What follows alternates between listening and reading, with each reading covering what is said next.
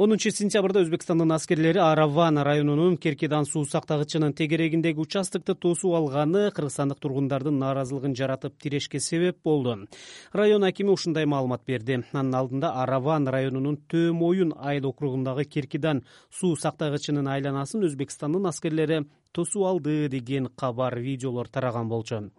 Видеолордо бир нече кыргыз жагандары өзбек чек арачылары менен тирешип турганы чек ара тилкесинин ары жагында аскердик техника бар экени тартылган. Азырынча өзбекстандын расмий же бейрасмий булактарында бул темада маалымат таба алган жокпуз. Ал эми э, жергиликтүү кыргыз бийликтери абал тынч экенин маселе өтө курч эместигин айтып ош облусунда он биринчи сентябрда бул жаатта сүйлөшүү болоорун азаттык радиосуна билдиришти. Алар э, талаш чыккан аймак э, кыргыз өзбек бийликтеринин ортосунда мурдатан эле макулдашылган э, тагдыры чечилген жерлер экенин айтып атышат бул маселеде өкмөттөн маалымат ала алган жокпуз э, чек араны тактоо боюнча эки миң он жетинчи жылдан бери жүрүп жаткан өкмөттөр аралык сүйлөшүүлөрдүн акыркы жыйынтыгы жөнүндө сурообузга өкмөттүн басма сөз кызматы э, тактап кийинчерээк маалымат берилерин билдирүүдө. Мурдагы вице премьер министр абдрахман маматалиевке телефон чалып кыргыз өзбек чек арасы талаштуу жерлер жана башка маселелер боюнча ой пикирлерин уктук. Азыр ошол маекке орун беребиз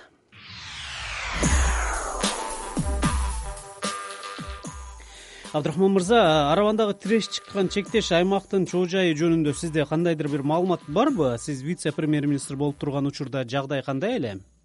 Эми кыргыз өзбек чек арасы боюнча кийин биз кеткенден кийин кол коюшпадыбы мурда ошо мурда ошо кийин ошол мурда бир миң токсон беш эле чакырым такталган болчу биздин учурубузда кийин дагы жүз чакырымдан ашыгыраагын тактадык деп келишимге кол коюшту.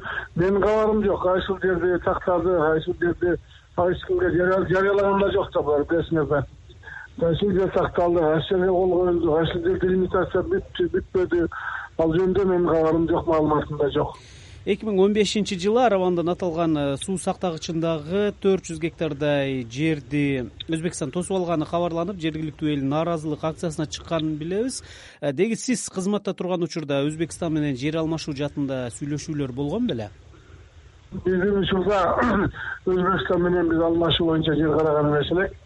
Э, алмашуу боюнча тиги тажикстан менен гана бир он алты гектар жерди тактаган элек бирок ал токтоп калган да ошол боюнча. Анан өзбекстанда биз ишчип аткан учурда алмашуу боюнча маселе каралган эмес. Мүмкүн кийин каралса керек кайсыл жерде алмашты кимдер уруксат берди уруксат берген жок билбейм. Ал суу сактагычтын тегерегиндеги суу сактагычтын тегерегиндеги жерлер боюнча бизде ал маселе каралган эмес биздин учурда.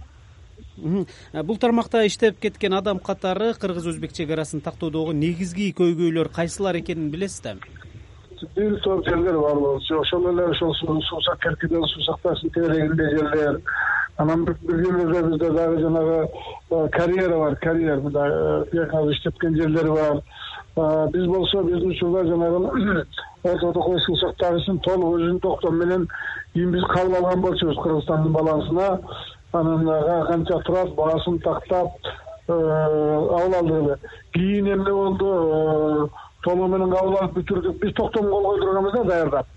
Анан толугу менен кабыл алып бүттүкпү кандай болду ал жөнүндө да менин маалыматым жок. Бирок бир топ маселелер алмаша турган жерлер да бар башка жерлер да бар. Ал жөнүндө маалыматты өкмөт бериш керек да. Алмашылышы керек болгон жерлер э, кайсыл аймактарда? Өзбекстан кыргызстандын үч облусу ош жалал абад баткен менен чектешет эмеспи? Баткен областунда жанагы э, кадамжайга кетип атканда тиги солго бурулган жаңы жол түшпөдү ошонун ошонун оң жагында бир айыл бар. Баягында эсиңерде экен бир э, жер жердин алдынан казып чыгышпады беле бирөөлөр өзбекстандан ошонун жогору жагында айыл да ошолор толугу менен кыргыздар. Кыргыздар жашайт бүт жашоо турмушта биз менен байланышта. Бирок өзбекстандын жарандары болуп эсептелет да. Ошол жерде мындай карап көрүлсө боло турган маселе бар эле деги алмашуу жараяны кандай жүрөт? Эгер биз алмаштыруу маселесин карасак биринчиден толук ошол жерде жашаган жарандардын макулдугун алышыбыз керек. Алардын жергиликтүү бийлик аркылуу бүт жанагы тиешелүү процедураны өткөрүп карап чыгышыбыз керек. Эң негизги шарттардын бири ошол биз алмаша турган жер биздин жарандарыбыздын көңүлүнө толсо жакса мурдага караганда шарты жакшы болсо ошондой кадамдарга барышыбыз керек да андай маселелер каралган эмес биздин учурда өзбекстан менен. Жерлер алмашканда калктуу конуштар тигил же бул мамлекетке өтсө ал жерлерде жашаган элдин жагдайы кандай болот? Жарандык маселеси да бар. Э, ал ошол жумушту иретинде чечиш керек да. Мүмкүн бизге э, жарандык болуп бизге өтө болбосо баягы биздин жарандар келет алар тияка өтүп кетет. Ушундай варианттар караш керек да. Рахмат сизге. Азаттык радиосунда суроолорго мурдагы вице премьер министр абдрахман маматалиев жооп берди. Э, биз өкмөттөн да бул жаатта азыркы так ачык маалыматтарды күтөбүз